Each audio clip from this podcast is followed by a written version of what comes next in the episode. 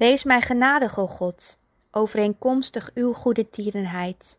Delg mijn overtreding uit, overeenkomstig uw grote barmhartigheid. Was mij schoon van mijn ongerechtigheid, reinig mij van mijn zonde. Het zijn indringende woorden uit Psalm 51, vers 3 en 4. Broers, zussen, wat een opluchting moet het voor de kampbul zijn geweest. Hij vroeg vergeving aan Corrie ten Boom voor de gruwelijkheden die hij haar had aangedaan. En wat hij had gedaan was verschrikkelijk. Maar wat onmogelijk is voor mensen, dat deed Corrie. Zij schonk deze man vergeving en ze gaf hem een hand. Daarmee kreeg Corrie niet haar omgekomen familie terug. Maar ze zette wel een stap in vrijheid, want haar wrok maakte plaats voor verdriet. Corrie heeft in de praktijk gebracht wat er staat in Efeziërs 4. Daar staat: laat alle wrok en drift en boosheid varen. Alle geschreeuw en gevloek en alle kwaadaardigheid. Wees goed voor elkaar en vol medeleven. Vergeef elkaar, zoals God u in Christus vergeven heeft. Volg dus het voorbeeld van God, als kinderen die Hij lief heeft, en ga de weg van de liefde, zoals Christus, die ons heeft liefgehad en zich voor ons gegeven heeft als offer, als een geurige gave voor God.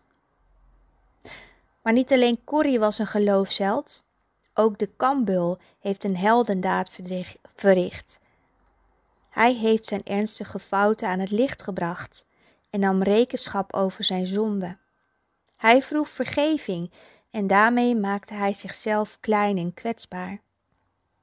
Wij mogen leren van deze man want als we nadenken over dit kwetsbare onderwerp, dan moeten we eerst leren leven vanuit de vergeving. En dat begint bij het vergeven van onszelf. Of anders gezegd, je moet Gods vergeving ook echt kunnen aannemen in je hart. Want als je dit niet kunt, dan blijf je lopen met een enorme schuld en ben je moeilijk in staat om jezelf te vergeven. En dan is vergeving schenken aan anderen ook een moeilijke zaak. Want wie van u zonder zonde is, laat die als eerste de steen op haar werpen, zegt Jezus in Johannes 8, vers 7. Bedenk dat je niet de enige bent die fouten maakt. Maar als je weet dat Jezus jou heeft vergeven, dan lukt het je om verantwoordelijkheid te nemen over gedane fouten, hoe groot die ook waren. Broers, zussen, het is nodig om alle dingen die je kwellen van je af te leggen, al je ongerechtigheid, en vind herstel en genezing bij jouw verlossing, verlosser. Wat is er nog nodig om jouw leven vrij te maken van schuld en schaamte? Vandaag wil ik je aanmoedigen om een brief te schrijven aan iemand die jij pijn gedaan hebt.